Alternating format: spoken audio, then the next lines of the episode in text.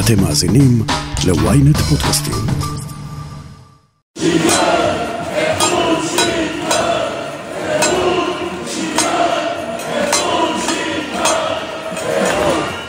כ-80 אלף ישראלים, גברים, נשים, מבוגרים וצעירים מילאו אמש את כיכר הבימה והרחובות הסמוכים תחת גשם שוטף ותוך צפיפות גדולה. יצאתי לכיכר הבימה לדבר עם האזרחים המודאגים מהרפורמה המתוכננת במערכת המשפט ולהבין האם למחאה יש סיכוי. אני שרון קידון, וזאת הכותרת.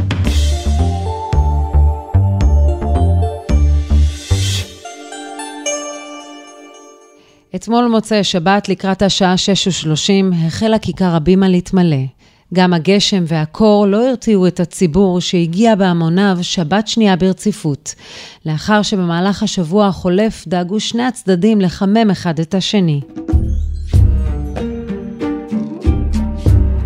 ישראל כמעט דיקטטורה!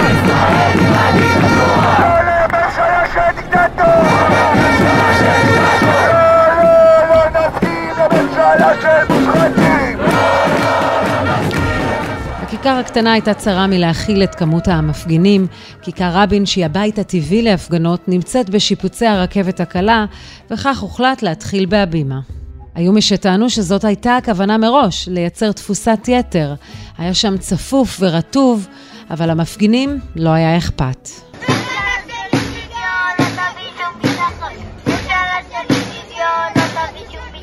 במקביל כאלפיים איש הפגינו בחיפה וכ-1,500 איש הפגינו מול בית הנשיא בירושלים לפני שיצאו בצעדה לכיוון כיכר פריז. גם במודיעין התאספו מפגינים מול ביתו של שר המשפטים יריב לוין. מדינה שבה יוצאים שופטים, אנשי צבא ובכירי השירות הציבורי להפגנות רחוב נגד שינוי המשטר היא מדינה שנחצו בה כל הגבולות.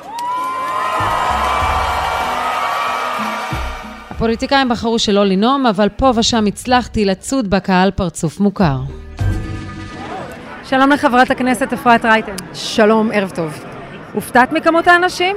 האמת שלא, ידעתי שהולך להיות כמות כזאת, רק שלראות את זה בעיניים, ועוד תחת אה, מטחי גשם גדולים, זה דבר שהוא מרהיב ומחזק, לראות את כמות הדגלים שנמצאים כאן, ואף אחד לא הולך הביתה. תראי מה זה, הגשם הענק שהיה פה קודם לכן, לא הבריח אף אחד להפך, גם הרחובות הסמוכים מלאים באנשים שצועדים ומגיעים לכאן. יש כאן מכל הגוונים הפוליטיים, למרות שאני לא רואה פעם, בניגוד לשבוע שעבר, אני לא רואה דגלי פלסטין, אני רואה פחות או יותר קהל יותר הומוגני. אני מסכימה, אם כי כשהייתי בשבוע שעבר גם לא ראיתי את אותו דגל פלסטין יחיד או שניים שהיו. אי אפשר באמת הרי לצבוע את הכמות האדירה של האנשים שיש כאן בצבע של דגל אחד. הדגל היחידי ששולט כאן, כמו שאת רואה, זה דגל ישראל. כולם פה, המחנה המשותף הוא דמוקרטיה. דמוקרטיה, דמוקרטיה. כולנו באים לכאן, ככה אני בתחושה מאוד מאוד מחברת ומחזקת, שבאים להילחם על המדינה שבעצם גם האבות המייסדים שלנו הקימו כאן, וגם אותה מדינה שאנחנו רוצים להוריש לילדים שלנו, בניגוד גמור לממשלה שהיום הגיעה, והיא בעיניי אה, ממשלת ישראל נחטפה על ידי קיצוניים, על ידי משיחיים, על ידי גזענים. זו החלטה נכונה שפוליטיקאים לא ינאמו כאן? אני חושבת שבשלב הראשון כן, כי דווקא זה מחבר כאן כל כך הרבה ציבורים. כולם מרגישים שייכים כאן עכשיו, אף אחד לא מרגיש שזה נלקח על ידי מפלגה כזו או אחרת. ואם אנחנו רק משאירים את הערכים במרכז, אז תראי כמה אנשים מגיעים. חברת הכנסת אפרת רייטן, תודה רבה. תודה רבה לכם. היי, שמי גיורא חמיצר, בן 51 מתל אביב. יצאנו בגשם, בקור, אה, למלא את הכיכר ולהראות אה, למי שצריך לראות שאי אפשר לחסל את הדמוקרטיה שלנו בכזאת קלות. יצטרכו לעבור דרכנו. ואנחנו רבים, אנחנו ספגנו מפלה, אבל אנחנו נתאחד ונשיב מלחמה, בסוף המלחמה היא על העתיד שלנו והמדינה שלנו והילדים שלנו. ואין דבר יותר חשוב מזה. שלום לעמוס ידלין. שלום שרון. היה לך ברור שתהיה כאן? איזה שאלה. למרות הגשם, למרות כמויות האנשים... גשם, מי שירו עליו נ"מ וטילים, לא מפחד מגשם, ותזכרי, אני חקלאי. אני שמח שיורד גשם.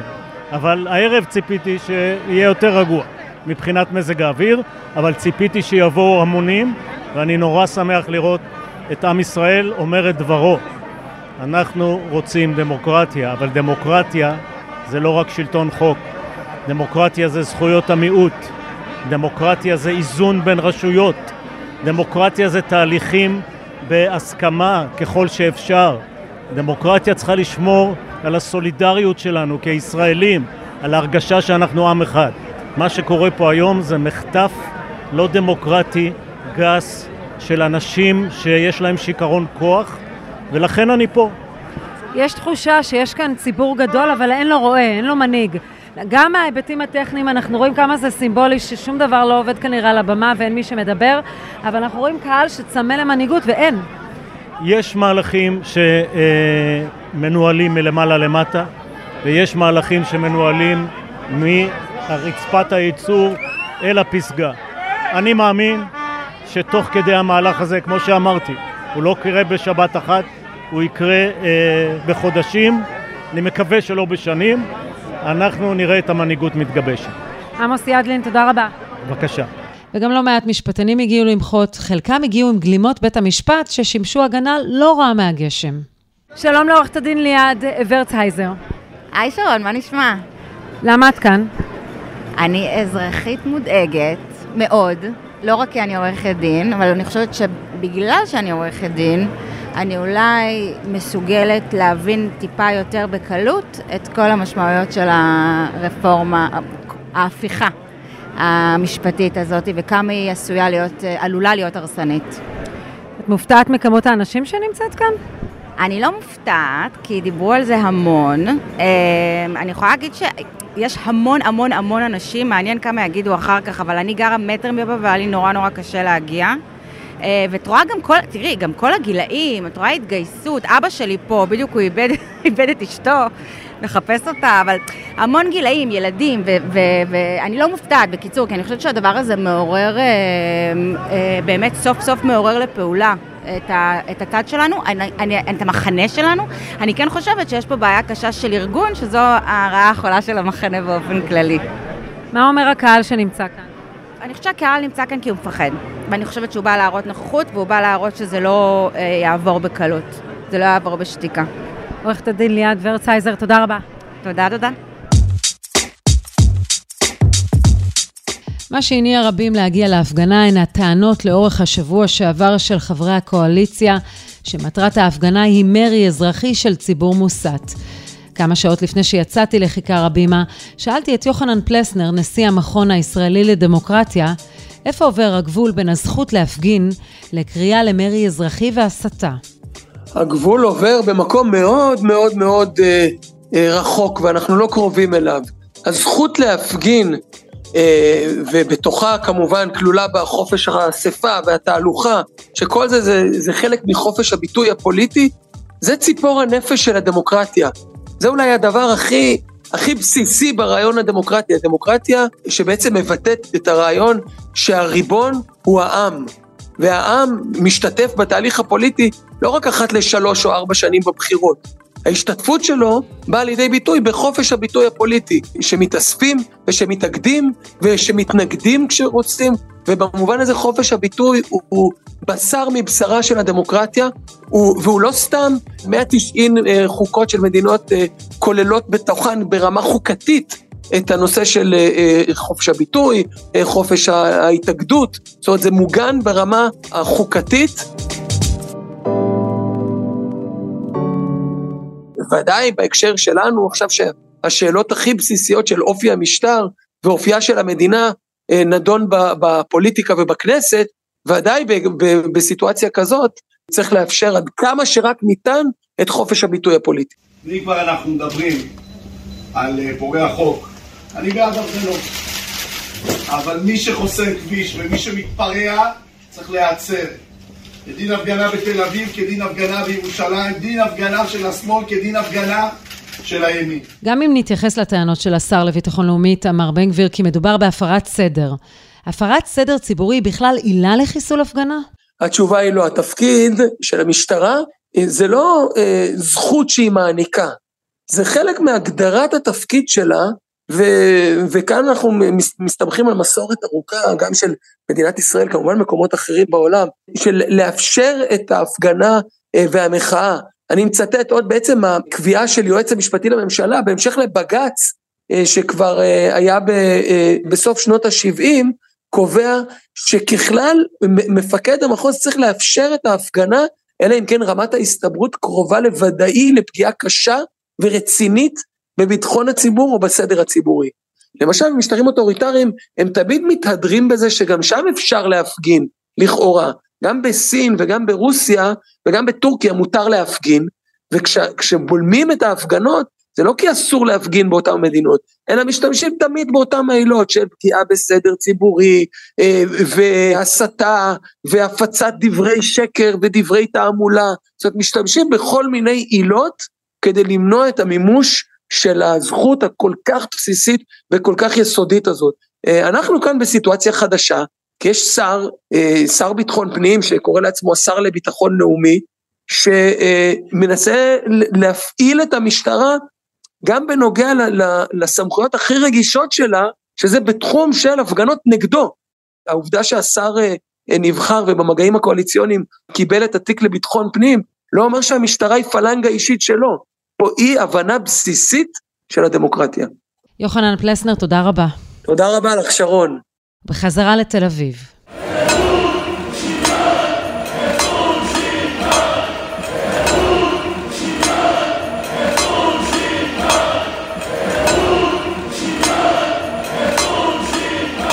כמות האנשים הגדולה שהצטופפה הביאה לקריסת רשת התקשורת, כך שהקהל לא הצליח להתעדכן.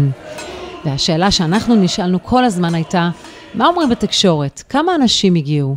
הקונספירציה שהסתובבה בקהל הייתה שניתוק הרשת הסלולרית אינו מקרי. מיד לאחר שהסתיימו הנאומים החלו צעדות ברחבי תל אביב, ואלו הקולות משם.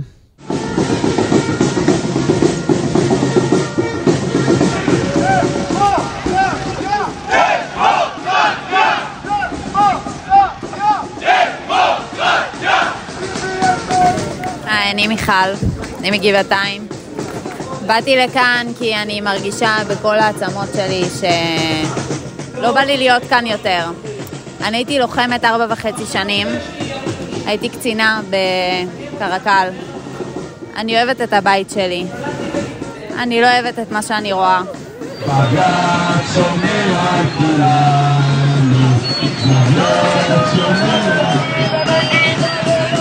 רמי כהן מחיפה, באנו בהמוננו. אני יודע שבחיפה עכשיו יש חמשת אלפים אנשים, בחיים לא ראינו מספרים כאלה. אני יודע שפה יהיו עשרות אלפים, אולי מאות אלפים, וזה במצב שיורד גשם. וכל המדינה תצא ונעשה כל מה שצריך לעשות כדי שתהיה פה דמוקרטיה, שתישאר פה הדמוקרטיה. אין לנו ברירה, זה מלחמת אין ברירה. סטודנטים בעד ביקורת שיפוטית!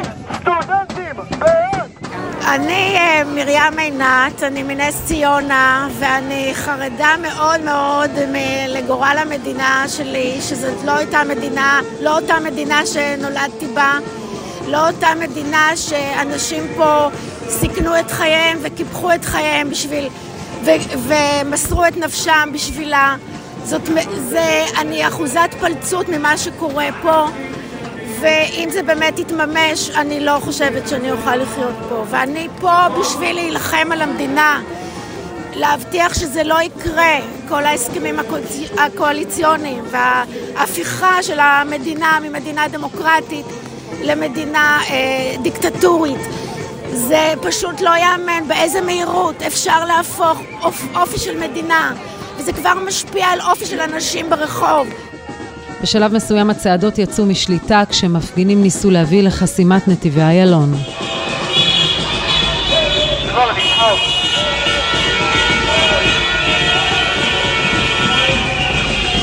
למרות קריאת המשטרה לפנות את הכביש, המפגינים סירבו להתפנות. בסופו של דבר המפגינים שינו את כיוון הצעדה לרחובות הסמוכים בתוך תל אביב.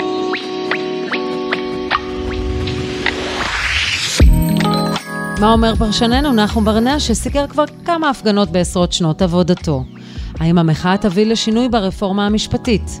הודעה קצרה ומיד נמשיך עם הכותרת.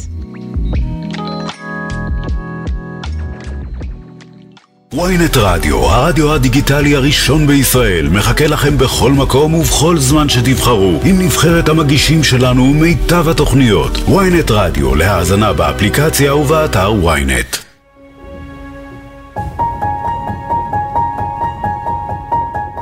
נחום ברנע כבר היה יכול לשבת בסלון ביתו ולצפות בהפגנה, אבל ממרום שנותיו וניסיונו, הוא לא מוותר על השטח.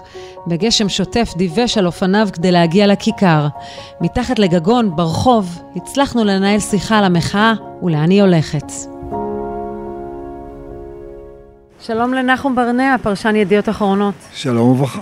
לא חשבת לרגע לראות את זה ממצלמות הרחף אה, בבית? לא, אני חושב שיש עניין גם ממה שמצלמות הרחף, הרחף אה, קולטות, משום שזה משפיע על התגובות של אלה שאינם פה וכולי, אבל אני חושב שהייתי בכל ההפגנות לאורך כל uh, עשרות השנים שאני מתעסק בזה. כמה שנים? ו...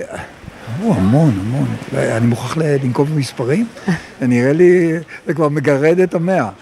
הפגנות יש להן אופי משלהם, גם יש להן הפתעות. אני מזכיר לך את 4 בנובמבר 95. אה, ואני הייתי הטמפל שאמר, אה, זה בקושי כיתוב תמונה לעיתון. וכמה? דקה אחר כך יגאל עמיר ירה ברבין. אתה מופתע מכמות האנשים נוכח מזג האוויר? בכל זאת, אנחנו עומדים בגשם. כן, תראי, זה לא גשם חזק. ויכול להיות שכאשר האנשים יצאו, היה יבש להם, וכבר היה מאוחר להתחרט, אבל הכמות היא, וגם הדוחק, המיקום כאן, לא שזה חשוב, אבל זה מיקום אומלל, משום שהכיכר הזאת היא כיכר קטנה. והם יכלו אפילו, אני חושב, ברחבת המוזיאון, זה היה יותר מרווח, אבל הם הזמינו את הכיכר הזאת והם דבקו בכך. אבל זאת לא השאלה הגדולה. לא, לא, אז כן. בשאלה הגדולה, קודם כל, היא כמה מחאה יכולה להשפיע? האם יש לנוכחות של אנשים כאן בגשם שהגיעו, יש להם באמת השפעה על תהליך קבלת ההחלטות? כמה משפיעים על נתניהו כפי שאתה יודע לנתח אותו? תראי, שרון, אה, ההשפעה היא לא רק על נתניהו. אה, הפגנות מגדירות ציבור. זה נכון לימין, זה נכון לשמאל, זה נכון אפילו לנכים או, או ליוצאי אתיופיה. אם לא הפגנת, אה, אתה לא... לא, לא התחייבת. לכן, להפגנות האלה יש קודם כל משמעות גדולה מאוד באותו ציבור שלא מרוצה מהמהלכים האלה. אה, נתניהו, אה, את יודעת, אני ציטטתי לפני כמה שבועות אמירה של אה, אמנון ליפקין שחק, כבר בתקופה שהוא היה בפוליטיקה, לא, לא בצבא, והוא אמר באיזשהו שלב, עכשיו אני אפילו על הפחדנות של נתניהו לא יכול לסמוך. רוצה לומר, נתניהו גם משתנה לאורך השנים. והוא היה ידוע כאדם זהיר מאוד, ועם זאת תמיד רוכב על נמרים. כל מה שקרה לפני uh, האירוע של uh, נובמבר 95, של רצח רבין, היה רכיבה על נמרים. Uh, אני לא חושב שהוא תכנן uh, את מה שקרה בסוף. אז מי הנמר שלו היום, איתמר בן גביר או סמוטריץ'? או החרדים? היום? כן, היום, לא, היום, יש, הוא, היום אני חושב שהוא אה, מתעסק באמת אה, באולי פילים, זה, הדוג, זה אולי הדוגמה היותר טובה, אבל הוא, אין לו, אין לו שליטה באנשים האלה. יותר מזה, לאנשים האלה יש אינטרס, הזכרת את סמוטריץ' ובן גביר, אפילו, אפילו יריב לוין, יש להם אינטרס להיבדל ממנו, משום שהם לא מאמינים שהוא ילך איתם עד הסוף. ולכל אחד מהם יש אג'נדה, לא רק אינטרס פוליטי. יריב לוין נכנס לתפקיד הזה כדי להעביר את, ה, אה, את המהפך או את הרפורמה או את התיקון שהוא אה, מאמין שהוא חייב להעביר. אם הוא לא, אם הוא ירגיש שהדבר הזה מתמסמס, הוא יתפטר. מה שיקרה כאן ישפיע על קבלת ההחלטות, להערכתך? אני לא נביא. אני חושב שבעניין החקיקה, צעדי החקיקה שהם רוצים לעשות, ההשפעה תהיה שולית, לא מזערית, אבל ההשפעה, אם היא תהיה בכלל, היא תהיה שולית. מדוע? כי בתוך גוש נתניהו יש קונצנזוס שאומר, אנחנו חייבים לשנות את כללי המשחק כלפי מערכת המשפט. מהפרקליטות ועד בית המשפט העליון, או אולי בסדר הפוך. אנחנו חייבים לעשות את זה, ולכן הוא נשען פה על אה, יריב לוין, אני מתכוון, על אה, מצע מאוד רחב של אה, פופולריות. מצד שני, זה יכול להשפיע גם על המהלכים הבאים. זאת אומרת, הם, האג'נדה שלהם היא בנויה על עוד כמה וכמה מהלכים מאוד דרמטיים. לכן, אה, הייתי אומר ככה, ההפגנה הזאת, יש לה סיכוי להשפיע על מידת, על המרחב של, של, ה, אה, של הגוש הקואליציוני הנוכחי לממש מהפכה, להפוך מהפכה למעשה. כשאנחנו מסתכלים על אה, הגורמים השונים שהתאחדו יחד כדי להיות כאן, אתה רואה בזה איזשהו זיק של תקווה שיש כאן אופוזיציה שהיא טיפה יותר מלוכדת? אנחנו אה, רק בהתחלה של תהליך. אין כל ספק שההחלטה של, של הקואליציה ללכת מיד בהתחלה, עוד לפני הקמת הממשלה, על צעדים מאוד דרמטיים. אני מדבר על, על, על חוק דרעי, אני מדבר על, על, על ההסכמים הקואליציוניים הגורפים. החלטה שאני, אני, חשוב להבין למה הם הלכו מיד בהתחלה על כל הצעדים האלה. דווקא מתוך, הייתי אומר, שבר באמון שלהם כלפי נתניהו. משום שאילו היו מאמינים שנתניהו איתם, הם היו נותנים לדבר הזה לעבוד בטפטוף, לא בגשם זילפות. אז, ה, אה, אז ההחלטה הזאת היא, היא, היא גם, המחיר שלה הוא שהצד השני רואה ושערותיו סומרות. או גבותיו מתרוממות. והנה, אנחנו רואים את זה כאן, בהפגנה מאוד מאוד גדולה. נחום ברנע, תודה רבה. אתה יכול תודה לכם, ושיהיה לכם מעניין.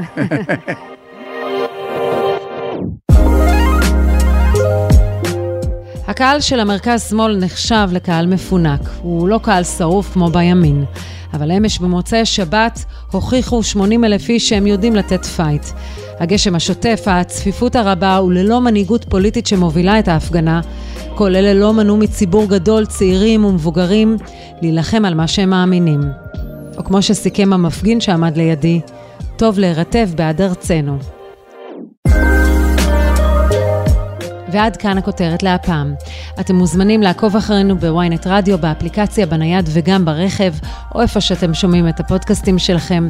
אם זה קורה באפל או בספוטיפיי, אתם מוזמנים גם לדרג אותנו ולהאזין לפרק נוסף שלנו על המהפכה המשפטית. מה באמת רוצה יריב לוין? עורך הפודקאסטים רון טוביה, איתי בצוות הכותרת ישי שנרב ויואב רבינוביץ', תחקיר, הפקה ועריכה אלי שמעוני וגיא סלם. אני שרון קידון, ניפגש בפעם הבאה.